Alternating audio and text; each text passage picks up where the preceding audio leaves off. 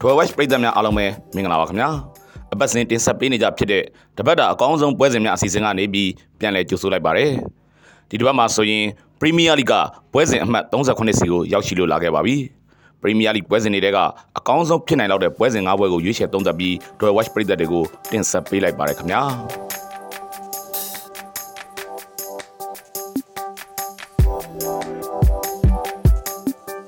ဘုံမောက်မှန်ယူ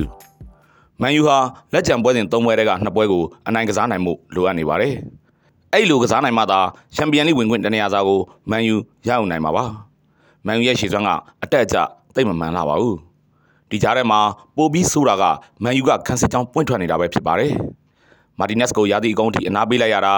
ဘာရန်ကိုကြန့်ခိုင်မှုအပြည့်နဲ့ပြန်မရတော့တာကမန်ယူအတွက်ကြီးမားလာတဲ့ထုံးတဲ့ချက်ပါပဲ။ဘုံမောက်ကနောက်ဆုံးကစားခဲ့တဲ့ပွဲစဉ်နှစ်ပွဲဆက်တိုက်ရလက်ဆိုးထားတာကြောင့် ဒီပွဲမှာလမ်းကြောင်းမှန်တက်စီပြန်တက်နိုင်အောင်ကြိုးစားပါလိမ့်မယ်။အိမ်ကွင်းကစားအားတိတ်မဆိုးလာတဲ့ဘုံမောက်ကြောင့်မန်ယူအခက်တွေ့ရမှာပါ။မန်ယူဟာတိုက်စစ်ကိုအားပြုလိုက်ရင်ခန်းစစ်ကြောင်းပွင့်ထွက်သွားတယ်လေရှိပြီးခန်းစစ်ကိုဂီယူဆိုင်လိုက်ရင်တိုက်စစ်လုံအောင်အောင်ရော့ချသွားတယ်လေရှိတာကိုမြင်တွေ့နေရပါတယ်။ဘုံမောက်ရဲ့တံပြန်တိုက်စစ်တွဲလုံးတွေကလည်းမန်ယူကိုအကြက်ရိုက်စေမှာပါ။ဘုံမောက်ဟာတန်းဆင်းရမယ့်အန်ရကနေလွတ်မြောက်သွားပြီဖြစ်ပေမဲ့အင်ကွင်းပရိသတ်တွေရဲ့ရှေ့မောက်မှာအသင်းကြီးတသင်းကိုအနိုင်ကစားပြခြင်းတဲ့စိတ်မျိုးနဲ့မန်ယူကိုရင်ဆိုင်ပါလိမ့်မယ်။ မန်ယူအတွက်ပွဲချက်တစ်ပွဲဖြစ်လာပါလိမ့်မယ်အသေးအတန်ကစားပြီးတော့မှပဲမန်ယူကတ်နိုင်တာမျိုးဖြစ်ပေါ်လာမှာပါမန်ယူနိုင်မယ်ကတ်နိုင်မယ်လို့ယူဆမိပါတယ်ခင်ဗျာမန်စီးတီးရှက်ဆီဒီတစ်ပတ်ရဲ့ပွဲကြီးပွဲကောင်းပွဲစဉ်မှာပဲမန်စီးတီးအတွက်ဆိုရင်ဒီပွဲကဖိုင်နယ်ပွဲလို့တောင်ပြောလို့ရပါတယ်ဒီပွဲကိုနိုင်ရင်၃နှစ်ဆက်အမှတ်ပေးချန်ပီယံဖြစ်တဲ့အသင်းရဲ့လို့အောင်ပွဲခံခွင့်ရှိသွားပါပြီ ရှက်စီကတော့ယာယီနီးပြလမ်းပတ်ပြောထားတဲ့အတိုင်းအဆင့်ရှစ်ထဲဝင်ရောက်ရပ်တည်နိုင်မှုတော့မဖြစ်နိုင်တော့ပါဘူး။ရီယယ်မက်ဒရစ်ကိုဂိုးပြအနိုင်ယူပြီးချန်ပီယံလိဘောလုံးပွဲစီတက်လှမ်းနိုင်ခဲ့တဲ့အတွက်မန်စီးတီးကစိတ်သက်ပိုင်းဆိုင်ရာယုံကြည်ချက်မြင့်တက်နေနိုင်ပါတယ်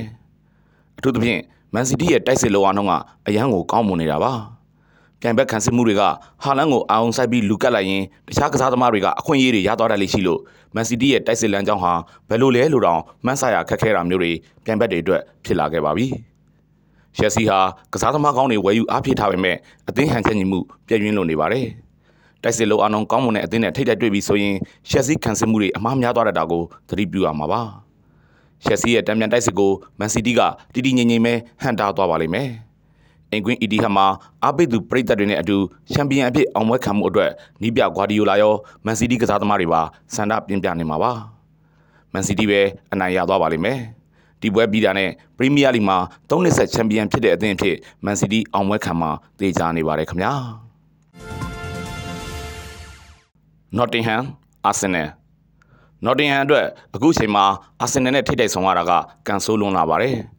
Nottingham ဟာတမ်းမစင်ရရေးအတွက်အမှတ်လိုအပ်နေသေးပါပဲအာဆင်နယ်ကချန်ပီယံဆုအတွက်အာမခံချက်မရှိတော့ပေမဲ့ဂုံတိတ်ကာဆယ်သဘောမျိုးကစားမှာကတေချာနေပါတယ်။ အာဆင်နယ်ရဲ့အသင်းလိုက်စူးစီးအားပြန်လည်ကောင်းမွန်လာတဲ့အတွက်နော်တင်ဟမ်မလွယ်တော့ပါဘူး။အင်ရှင်အားသာချက်ကိုလက်ကင်ပြုပြီးဂိုးပြမချုံအောင်ပဲနော်တင်ဟမ်အားထုတ်ရပါလိမ့်မယ်။အာဆင်နယ်ကိုသဘောကျနေမိပါတယ်ခင်ဗျာ။လီဗာပူးအက်စတွန်ဗီလာ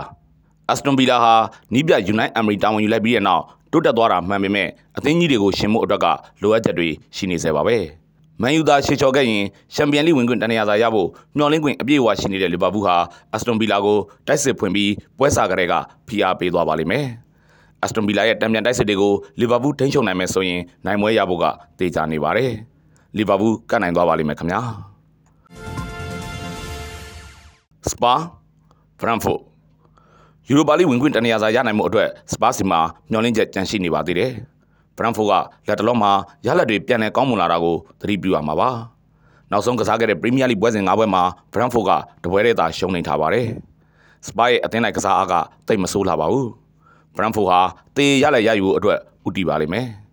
အင်ကွင်းအားသာချက်ကိုလက်ကင်ပြုပြီးစပါကအနိုင်ရအောင်အင်တိုက်အားတိုက်ကစားသွားမှာပါစပါကနိုင်သွားပါလိမ့်မယ်ခင်ဗျာ အခုဆိုရင်ဒီတစ်ပတ်မှာရှင်မြိုင်ကစားမဲ့ပရီးမီးယားလိပွဲစဉ်တွေကအကောင်းဆုံးဖြစ်နိုင်ခြေရှိတဲ့ပွဲစဉ်၅ပွဲကိုရွေးချယ်သုံးသပ်ပြီး Roy Watch ပရိသတ်တွေအတွက်တင်ဆက်ပေးခဲ့ပြီးဖြစ်ပါတယ်။ Roy Watch ပရိသတ်တွေအားလုံးကံကောင်းမှုတွေနဲ့ဆုံစည်းနိုင်ပါစေလို့လည်းဆုမွန်ကောင်းတောင်းပေးလိုက်ပါတယ်ခင်ဗျာ။